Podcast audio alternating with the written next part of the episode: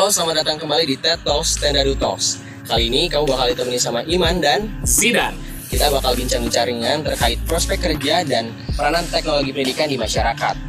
Oh ya Zidan, katanya nanti juga kamu bakal bagi-bagi tips ya. Tips apa tuh? Iya nih benar. Jadi nanti kami bakal bagi-bagi tips kuliah online ala anak teknologi pendidikan. Wah, keren banget tuh. Pasti kamu penasaran ya apa aja tipsnya? Wah iya man, untung nih gak lupa ya. Kami mau ucapin selamat untuk para mahasiswa baru teknologi pendidikan 2021 yang telah diterima di program Wah, studi. selamat pendidikan. selamat buat kamu yang lolos lewat SNM yang udah berjuang tuh dari rapotnya Bener banget. Ngepur dulu. Gila emang dan Biasa. yang lewat SBM yang ambis bang Iya. soal banyak banget parah-parah emang. selamat selamat buat Selamat kalian selamat buat kalian. selamat buat orang tuanya juga ya jadi guys Iman dan Zidan dari Teknologi Pendidikan 2020 mau berbagi informasi nih dan pengalaman kami selama hampir dua, dua semester gitu ya berkuliah di jurusan Teknologi Pendidikan. Sebelumnya kan sudah dibahas ya pada podcast sebelumnya apa sih jurusan Tekpen tuh? Kayak gimana nya mata kuliahnya apa? Sekarang kami berdua mau berbagi informasi mengenai prospek kerja jurusan Tekpen dan peranan teknologi pendidikan dan peranan teknologi pendidikan bagi masyarakat. Oke, kalau gitu kita langsung masuk aja ke pembahasan pertama. Jadi apa saja prospek kerja dari lulusan Teknologi Pendidikan dan? Oke nih aman jadi kalau kita berbicara tentang prospek kerja lulusan teknologi pendidikan eh, sesuai textbooksnya kalau kita ngambil dari textbooks kita akan bekerja sebagai pengelola perencana pengembang pembuat dan penilai dalam suatu pembelajaran di lembaga negara lembaga pendidikan dasar hingga pendidikan tinggi dan lembaga diklat Wah, dan jadi media. seorang pengembang kurikulum ya berarti ya. iya bener banget Tapi dan selain itu anak-anak Tekpen juga kan punya keahlian lain ya, banyak banget. jelas jelas Pada bisa editing, hmm, fotografinya juga pada jago, bener dan public speakingnya juga pada mahir-mahir gitu ya. jelas jelas Nah, jadi dengan skill itu mereka nggak cuma jadi pengembang kurikulum, mereka bisa ngerambah ke banyak hal kayak misalnya jadi desainer grafis Bisa, atau bisa. jadi kru televisian gitu ya. betul Mungkin juga jadi guru, mungkin jadi guru. mungkin jadi guru Kenapa dan? gini ya eh, buat kamu nih yang gak mau kuliah di UPI karena alasannya ah UPI mah jadi guru Nah, nah tekpen mah jadi itu tuh. guru ngapain males banget jadi guru gitu kan itu tuh salah besar Kenapa dan? Kenapa itu salah besar karena di UPI itu gak semua jurusannya bakal jadi guru di UPI Oh. itu ada dua jenis jurusan yaitu jurusan pendidikan dan non pendidikan Oh, apa bedanya tuh dan? Bedanya ini adalah kalau di jurusan pendidikan kita bakal ditempa ditempa untuk menjadi seorang pendidik yang profesional. Tenaga pendidik. Yes. Oh, jadi kalau yang non pendidikan nggak khusus dirancang buat jadi seorang tenaga pendidik, tapi bisa. Tapi bisa. Tapi bisa. Oh, gitu. Nah, tadi kan udah bahas ya tentang prospek kerjanya ya man ya. Tuh. Panjang banget itu. Pembahasan selanjutnya adalah apa sih peranan Tekpen bagi masyarakat? Hmm, jadi dan teknologi pendidikan itu hadir sebagai pemecah masalah yang ada di masyarakat, seperti masalah pemerataan pendidikan, lalu peningkatan kualitas pendidikan, relevansi dan efisiensi pendidikan, dan masih banyak lagi. Nah, hal serius yang masih dirasakan oleh masyarakat Indonesia, mulai dari SD sampai perguruan tinggi adalah kualitas pendidikan. Benar nggak, Dan? Bener banget. Nah, untuk itu, ada tiga prinsip dasar yang dipegang oleh teknologi pendidikan yang jadi acuan untuk pengembangan dan pemanfaatan, yaitu pertama, pendekatan sistem, dua, berorientasi pada peserta didik, dan tiga, pemanfaatan sumber belajar. Jadi dengan teknologi pendidikan ini, semoga masalah-masalah pendidikan yang ada di Indonesia ini bisa segera terhadapi. Ya, Amin, amin. Semoga Amin. cepat selesai ya. amin. Nah, katanya kamu bagi-bagi tips tentang kuliah online ala Tekpen, jadi nggak? Oh iya, oh iya benar-benar. Eh, jadi gini ya teman-teman, Zidan mau bagi tips kuliah online ala Tekpen yang bisa dicoba buat kamu mahasiswa baru, baik Tekpen ataupun di luar Tekpen atau bebas lah. Jadi apa tuh tips utamanya dan? Oke, tips yang pertama harus nyiapin kuota belajar buat Zoom atau Google Meet. Nah, itu penting banget sih.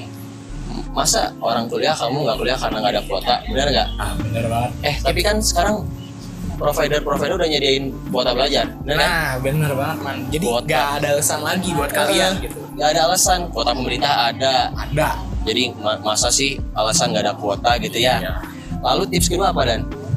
Tips kedua dari kita itu ada aktif berkomunikasi untuk mengetahui jadwal. Karena banyak banget nih matkul yang nggak sesuai dengan jadwalnya oh ini lebih ke kesepakatan antara mahasiswa dan dosen berarti ya? Betul betul. Pergeseran jadwal. Hmm. berarti kita harus mencatat gitu ya kapan aja jadwal yang bergeser dan harus mulainya kapan gitu ya. Jangan sampai lupa. Benar Iya, nggak? bener banget. Jadi intinya itu ya nggak boleh lupa jadwal, Iya, bener banget. tips ketiga dan? Tips ketiga usahain mandi biar kelihatan rapi di depan kamera. Kan bisa off cam. Eh jangan dong jangan jangan off cam dong. Harus on cam harus on cam. Oh iya gimana kalau misalnya nanti disuruh on cam? Bener banget. Benar-benar soalnya bisa jadi tuh kayak misalnya absen tuh harus on cam kan? Atau ada dosen yang mintanya harus on cam terus? Gimana? Nah, iya. Dosen aja on cam loh. Oh iya dosen on cam. Masa kita nggak menghormati dosen? Iya, benar. benar banget. Terus yang selanjutnya keempat berarti ya? Iya, yang keempat buat schedule atau jadwal ya agar tidak kewalahan dalam mengerjakan tugas Ah. dan kegiatan kita sebagai mahasiswa. aku nih punya pengalaman nih dan pernah pernah telat jadi tugas nggak Eh enggak dong, iya. aduh kayaknya aku doang yang pernah telat, Hmm. telat tugas nih soalnya aku pernah dan telat tugas karena ngerjain yang lain dan akhirnya nggak kekerjain tuh Halo. Pasti nggak dicat, pasti nggak dicatat itu. Iya emang nggak dicatat. Jadi aku nyesal banget sih nggak dicatat. Jadi mulai sekarang aku mulai catat. Bagus, bagus. Terus tips kelima. Tips kelima dan yang terakhir adalah banyak-banyak baca tentang inovasi pendidikan. Hah? Buat apa tuh? Gini ya, eh, kita khususnya sebagai seorang yang nantinya bakal menjadi seorang teknolog pendidikan, kita tuh harus bisa menyelesaikan masalah-masalah pendidikan yang ada di Indonesia. Oh, update masalah, Ya, masalah update, solusi juga harus update harus dengan cara berinovasi berinovasi, Oke. banget. Tips kamu ada lima ya? Aku mau nambahin lagi boleh nggak? Oh boleh banget, boleh banget. Oke, berarti sekarang keenam. Tips keenam adalah kamu harus punya software editing. Punya nggak dan? Punya lah.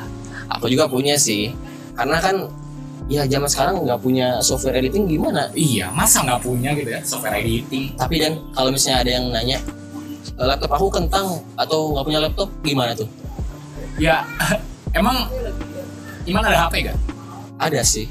Ya udah pakai HP. Oh iya benar juga ya. Sekarang kan udah ada aplikasi editing lewat HP ya. Iya, no problem dong. Bahkan mungkin lebih efektif pakai itu. Benar. Jadi nggak ada alasan lagi. Gak ada alasan ada lagi. alasan lagi. Terus tip ketujuh dari aku. Eh, kamu selain punya aplikasi, kamu juga harus bisa pakai aplikasinya tentunya. Minimal yang basicnya aja gitu ya. Karena kan nanti kamu bakal ketemu sama tugas kayak bikin video pembelajaran atau bikin vlog, bikin infografis. Pasti ya gimana ngerjainnya kalau nggak bisa pakai. Nah, benar banget. Nah, apalagi itu kan kalau tugas individu ya, Man ya. Hmm. Kalau misalkan kita tugas kelompok nih, kita tuh jangan sampai terus bergantung pada teman-teman kita. Oh iya ya benar juga. Kita harus jadi bisa jadi orang yang diandalkan. Harus sebaliknya. Iya, gitu. Dan menurut aku basic ini modal banget nih buat kita mahirin nanti ke depannya. Bener banget. Oke, kayaknya mungkin segitu aja sih. Oh, aku ada tips satu lagi, boleh nggak? Oh, boleh, boleh, boleh. Jadi ini tips kayaknya di luar teknis sih, tapi aku punya tips kalau kita sebagai mahasiswa online harus sering terlibat dalam kegiatan kelas, angkatan maupun himpunan. Setuju sih, setuju. Setuju banget kan? Setuju banget. Sekarang nih lagi corona dan tapi ternyata kelihatannya nggak jadi halangan buat para mahasiswa yang punya semangat berkarya nih Benar. untuk terus berkarya. Hmm. Dan kita sebagai mahasiswa baru gitu ya, nggak boleh ketinggalan buat terlibat di dalamnya. Kayak angkatan kita tuh kemarin bikin apa aja, bikin Dua single. Wow, Tahu nggak? Tahu terkenal banget lah. Iya, kan kamu nyanyi. Terus, terus ada video perkenalan kampus Hmm. dan lagi booming tuh bikin rewind.